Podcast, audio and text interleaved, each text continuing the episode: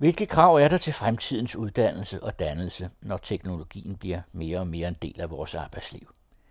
Det sætter den sidste podcast i serien Håndværk spot på. At det vil kræve en nødvendig indsats, er de fire eksperter og forskere, vi taler med, ikke i tvivl om. De ruller et scenarie ud på både kort og lang sigt, der taler om nye uddannelser og konstant opkvalificering. Danmark er foran på nogle områder, bagud på andre. Ny teknologi skal ind i folkeskolen, og alle borgere bør faktisk lære at programmere, men det er svære vilkår, når det konstant bliver sparet på netop uddannelse. Uddannelsessystemet skal kunne forberede folk i fremtiden. Det er både dem, der laver teknologien, dem, der implementerer den, køber den, og dem, der skal bruge den. De skal alle sammen lære noget om menneskesiden i menneske-maskine-relationer for at få det til at spille. Katrine Hasse er professor på Institut for Pædagogik og Uddannelse under Aarhus Universitet. Med en baggrund i antropologi forsker hun i relationer og læring mellem mennesker og ny teknologi som robotter og kunstig intelligens.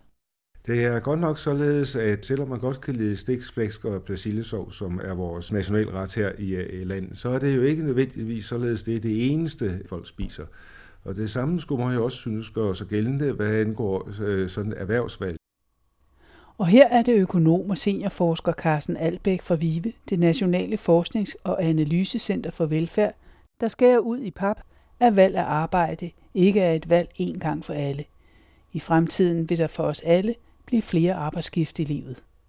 Den teknologiske udvikling, hvad enten det er i form af robotter, kunstig intelligens eller mere digitalisering, vil betyde, at den viden og de kompetencer, vi skal benytte i arbejdet, vil stille nye krav i arbejdsprocesserne og også skabe behov for andre og nye uddannelser. Carsten Albæk følger med i litteratur om arbejdsmarkedet og skriver artikler til nationale og internationale tidsskrifter, rapporter til institutioner og ministerier, og så arbejder han med prognoser inden for arbejdsmarkedet.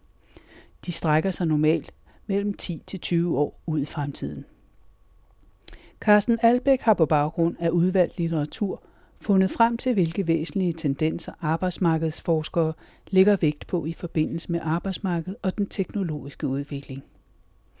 For nylig har vi igen hørt, at der kommer til at mangle faglærte, og igen i år er det kun 20 procent af de unge, der har valgt en faglig uddannelse. Og de 20 procent, det er noget mindre end den andel i arbejdsstyrken, øh, som er uddannet faglærte i øjeblikket, og derfor kan det ikke undgås, at, at beregningen kommer til at give øh, en mangel på faglærte i, øh, i fremtiden.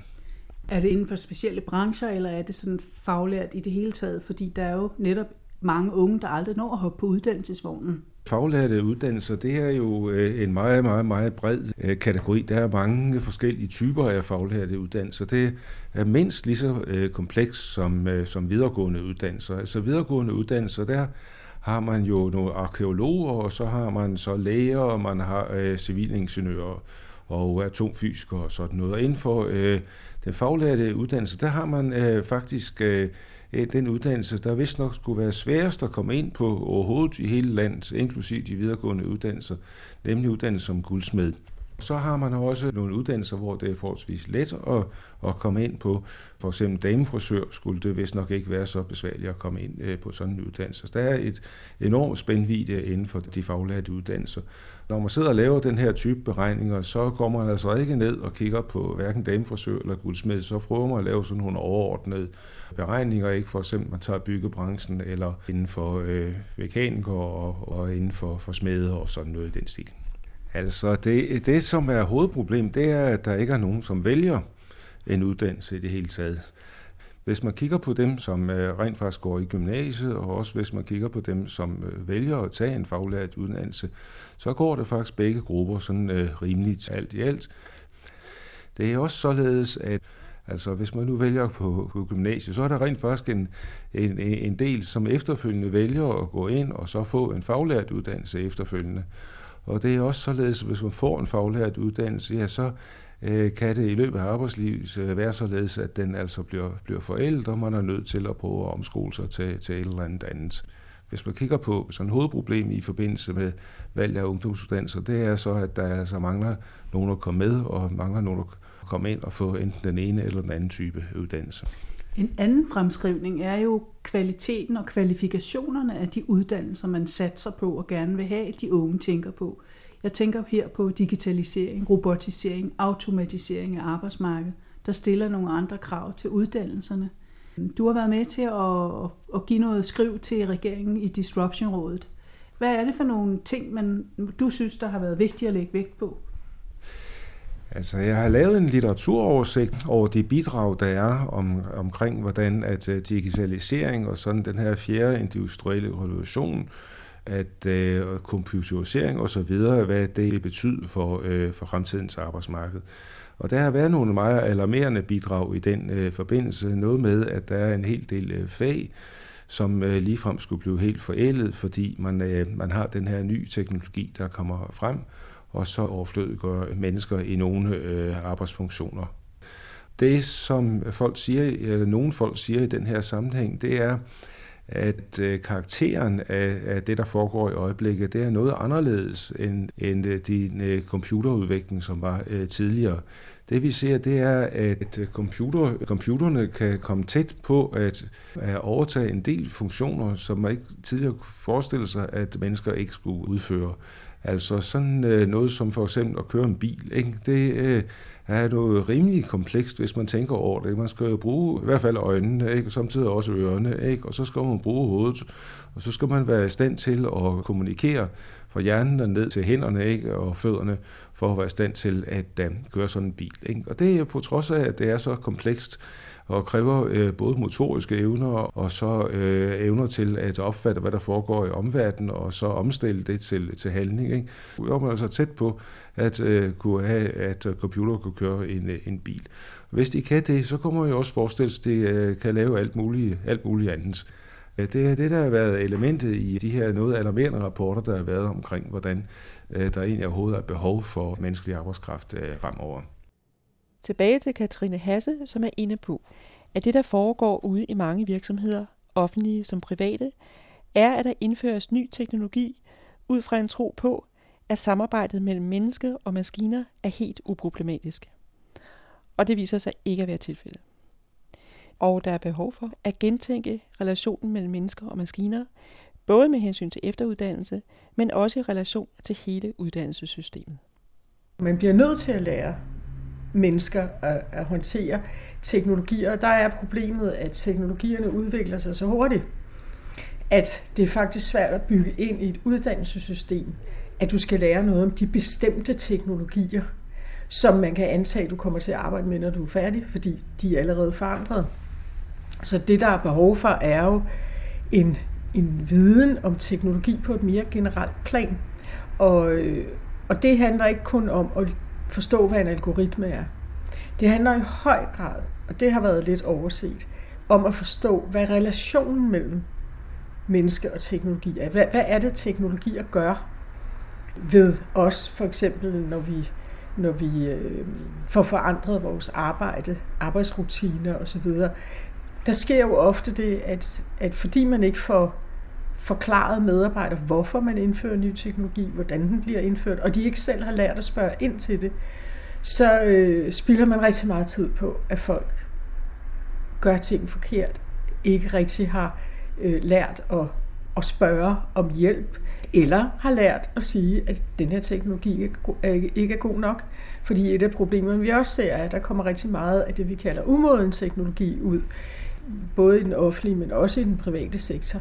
Og, og man har ikke ligesom skabt nogle rutiner eller processer omkring det, at kunne sætte ord på, hvad gør man ved umoden teknologi, når man opdager, at den ikke er god nok? Hvad gør man så? Og der har været nogle, nogle kedelige sager, hvor man ligesom har set, at man skulle helt derhen, hvor folk brød sammen, eller hvor systemer brød sammen med mennesker og maskiner, før man kunne begynde at forstå, jamen det kan også være, at det er teknologien, der er noget galt med. Kan vi justere den? Og meget ofte kan man jo gøre nogle ting, man kan kigge sig om efter noget bedre teknologi. Man kan også få pillet ved den teknologi, der er, så den passer lidt bedre til det, der rent faktisk skal arbejdes med. Øh, og det er noget af det, de begynder at se med den her robotteknologi, øh, at al robotteknologi skal tilpasses i en eller anden forstand et arbejdsliv. Det er ikke kun menneskene, der skal tilpasse sig, det er også maskinerne. Og det kan vi blive meget bedre til. Meget mere fleksible, end vi er i dag. Hvad hvis vi går til produktionsvirksomhederne? Der vil der måske også være meget mindre brug for arbejdskraften, fordi der er nogle robotter, der kan gøre det. Det er der lidt forskellige diskussioner øh, af, hvor meget, at, øh, hvor meget det betyder. Men det, det er helt rigtigt, hvis man er meget visionær, ikke, så kigger et stykke ud i fremtiden, at så kan man godt forestille sig, at øh, temmelig mange arbejdsfunktioner, hvor der ikke er øh, behov for mennesker i, i samme omfang som, som tidligere. Men så kommer man jo på at kigge på, hvad der er, at, øh, der, hvor menneskerne rent faktisk, hvor der rent faktisk er behov for menneskene. Ikke? Og det er også gjort i, i litteraturen. Altså det, man prøver at dele op i, det er nogle forskellige kompetencer, som nogle kompetencer, de kan blive erstattet af computere, eller man kan, computeren kan substituere den her menneskelige øh, øh indsats. I gamle dage, når man kom ind i en bank, så sad der jo folk bag en skranke, ikke? Og øh, det, som de fik en stor del af arbejdstiden til at gå med, det var at veksle penge, enten øh, når folk kom med penge, og så skulle de ind i banken, eller at, at penge, folk kom og skulle hente penge, og så skulle øh, den pågældende øh, bankassistent så hente pengene og udlevere dem til øh, folk. Den funktion, den er jo helt så godt som afskaffet nu, øh. og det vil sige, at der er så nogle maskiner, som simpelthen har erstattet den her funktion. Det vil så sige, at de pågældende, ja, de skal jo så skulle finde noget andet at lave i banken, eller finde et andet sted at, at være i stedet for. Jamen, så kommer der jo et overskud af arbejdskraft, hvis man nu squeezer folk ud på den måde og siger, at der er ikke brug for dig. Ja, det er faktisk et af resultaterne i den litteratur, som vi har gennemgået. Ikke? Og det er, at øh, der faktisk var nogle rimelig gode job, altså for eksempel som bankassistent, som faktisk næsten ikke eksisterer mere. En anden type job, som også var rimelig vel, vellønnet, det var da jeg for en del år siden kom ind og blev ansat i øh, et ministerium. Der var, jeg tror, det var omkring en, øh, en tredjedel øh, af de ansatte, det var kontordamer. Når jeg havde skrevet noget ned på et stykke papir med en blyant, så afleverede jeg så manuskriptet og de pågældende damer, og der var altså kun damer ansat til det job, så skrev de tingene ind på en maskine. Den type job, den er jo fuldstændig forsvundet. Begge de her to typer job, det som bankassistent og det som kontordame, der skrev på maskine, de var øh, så sådan i, i midten af lønfordelingen. Ikke? De her computere, de har været i stand til at erstatte den indsats, som tidligere var nødvendig for mennesker. Og der er det faktisk således, at når folk sidder og kigger på forskellige lande, så er det især i de midterste job, altså skal vi kalde det middelklasse job, så den her type her, det er først og fremmest dem, som er forsvundet.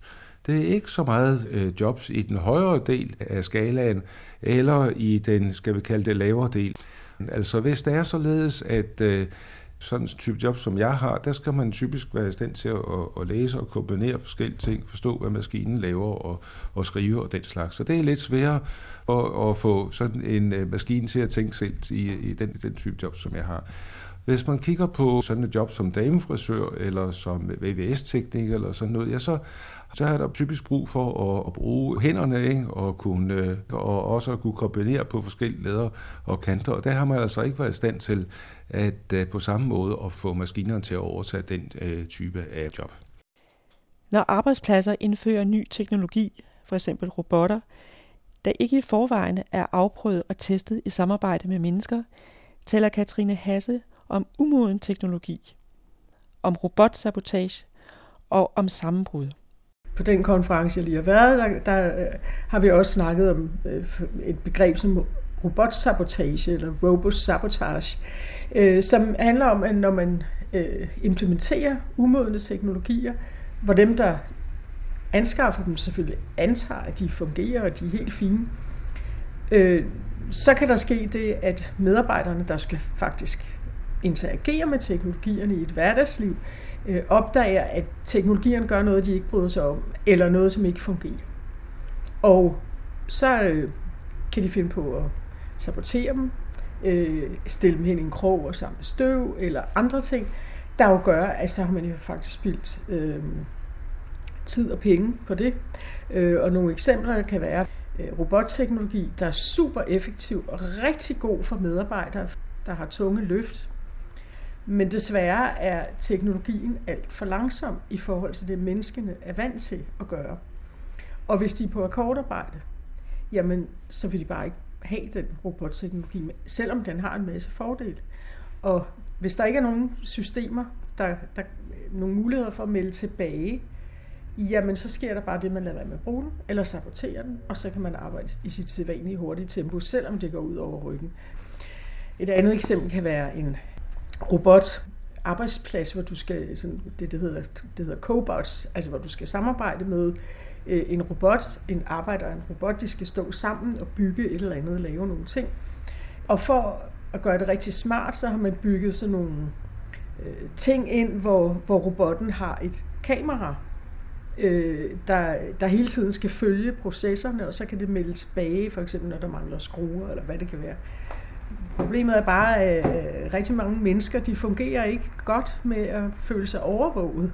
Og øh, det der kamera viste sig ikke at være nødvendigt, fordi du kunne putte sensorer ned i skufferne, øh, hvor, man, hvor man ligesom kunne måle trykket for, hvor mange skruer der var tilbage. Og det var langt mere effektivt, og det fungerede meget bedre med dem, der skulle lave arbejdet. Men vi skulle altså igennem øh, en 6-7 forskellige mystiske afbrændinger af kameraovervågningsudstyr osv., som ingen kunne forklare, øh, fordi der bare ikke var nogen, nogen, nogen steder, hvor man kunne komme hen med den frustration. Når teknologien spiller ind eller kræver samspil med den menneskelige arbejdskraft, er det ikke kun kognitive færdigheder, altså matematik og læsning, der er vigtige, men også sociale færdigheder, altså evnen til at fungere med andre mennesker, som fremtidens uddannelse og arbejdet i det hele taget vil kræve af os.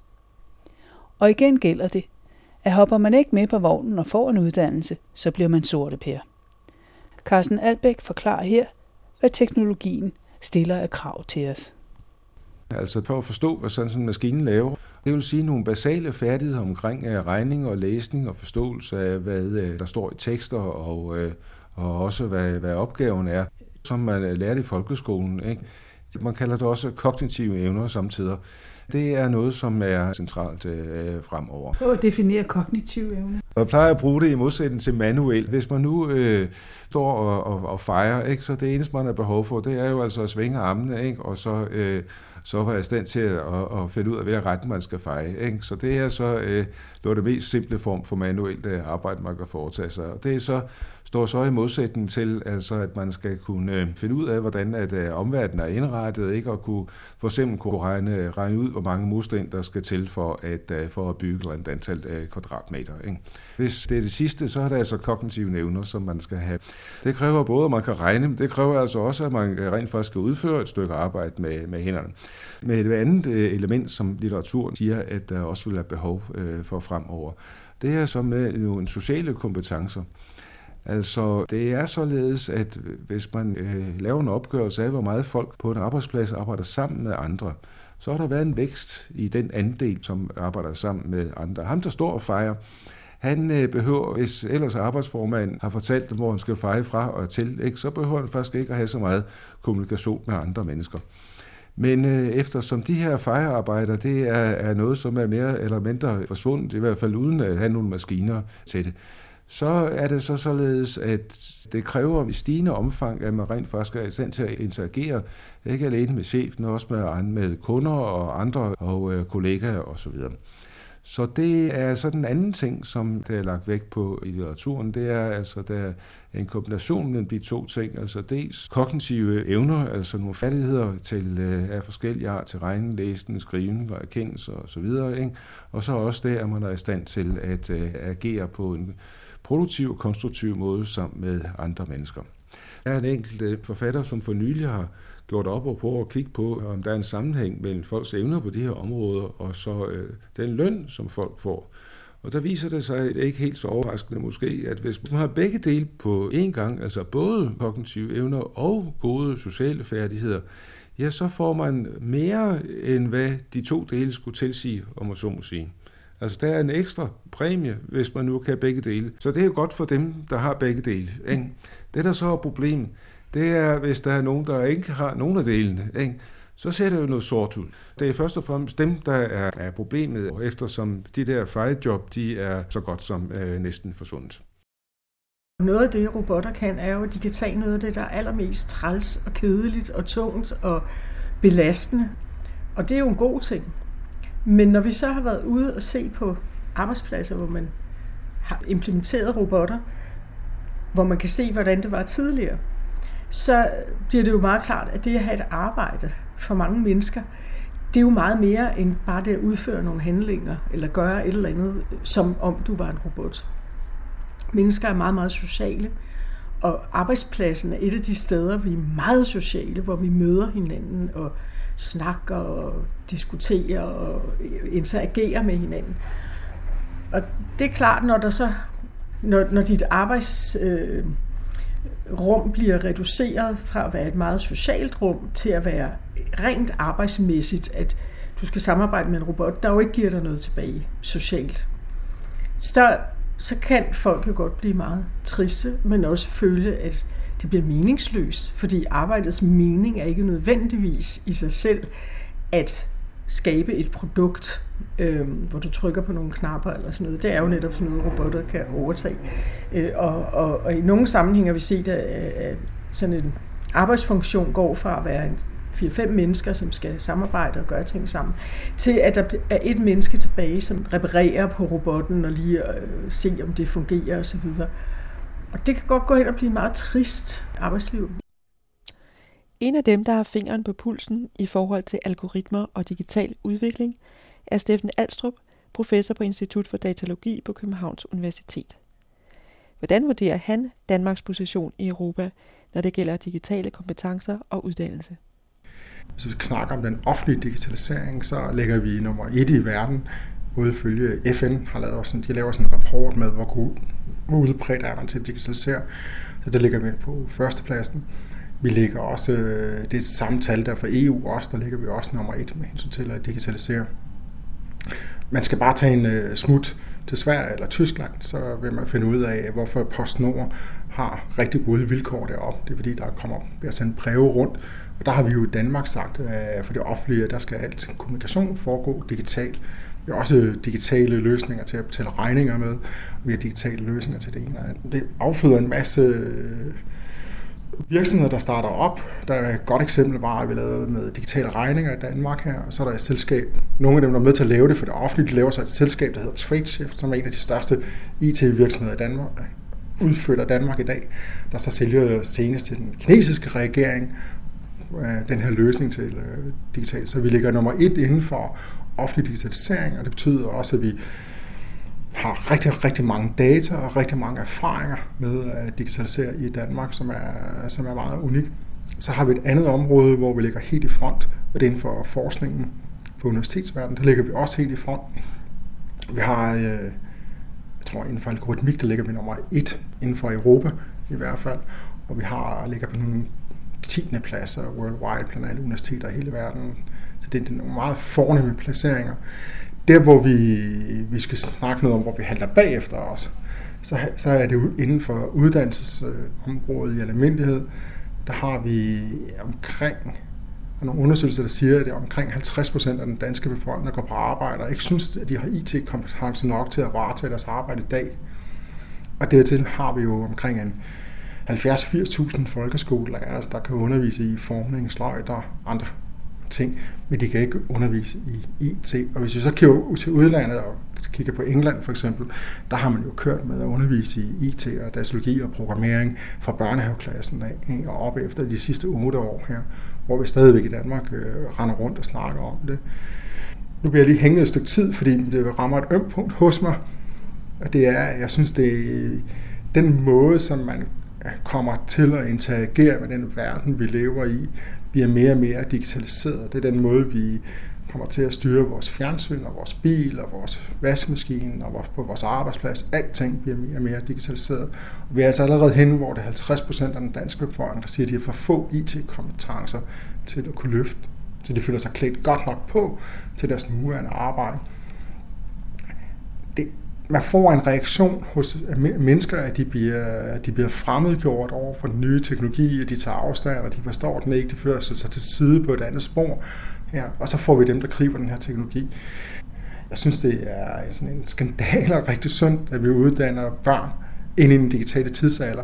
Men når man kigger på den folkeskolen som designet i dag, så er den optimeret til at uddanne den perfekte fabriksarbejder, som der snart ikke eksisterer, fordi robotterne har erstattet den perfekte fabriksarbejder med en, der kan beherske det her IT og alle de robotter, der er på fabrikken.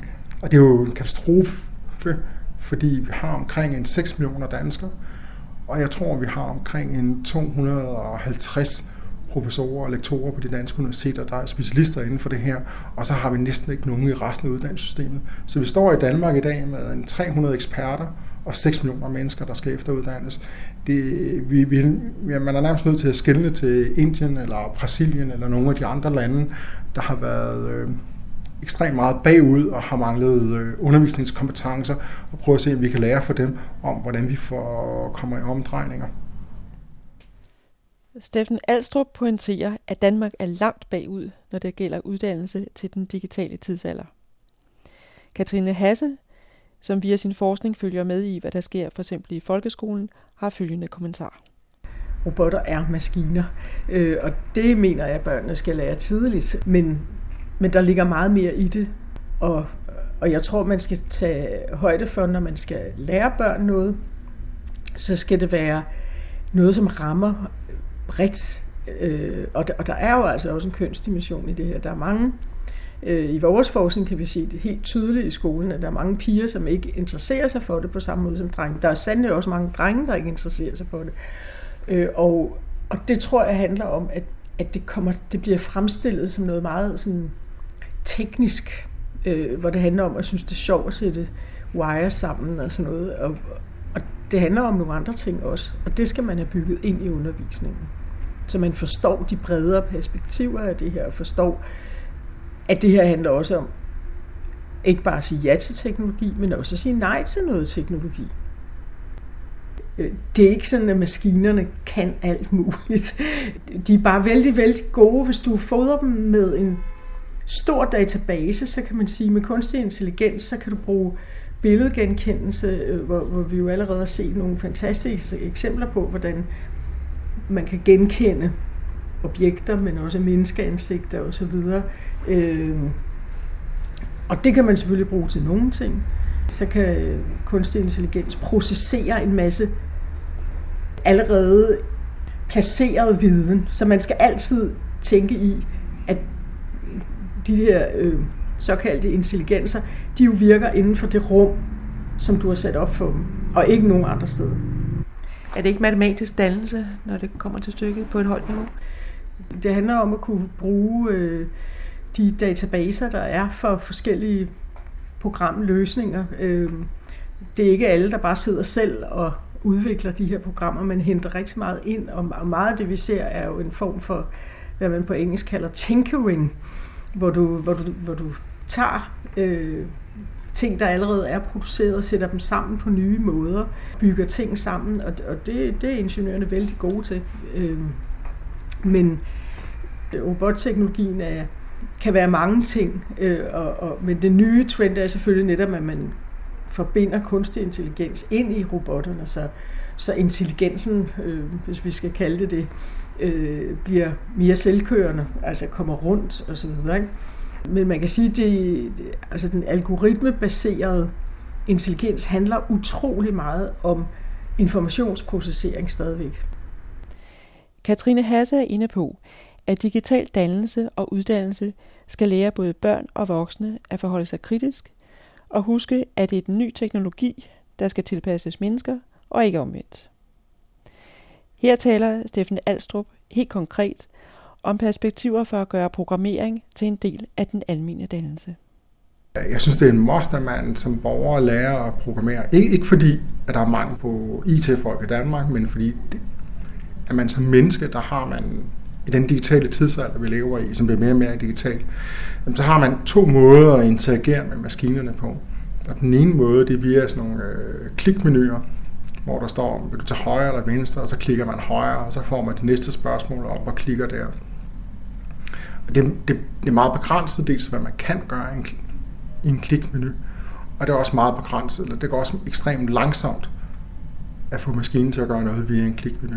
Hvorimod, hvis man kan programmere, jamen, så kan man få lavet tingene så det går tusind gange eller en million gange hurtigere, det man laver. Så hvis man sidder med noget arbejde, i fremtidens arbejde, jamen der kan man enten sidde via en klikmenu, eller også kan man kode sig ud af det.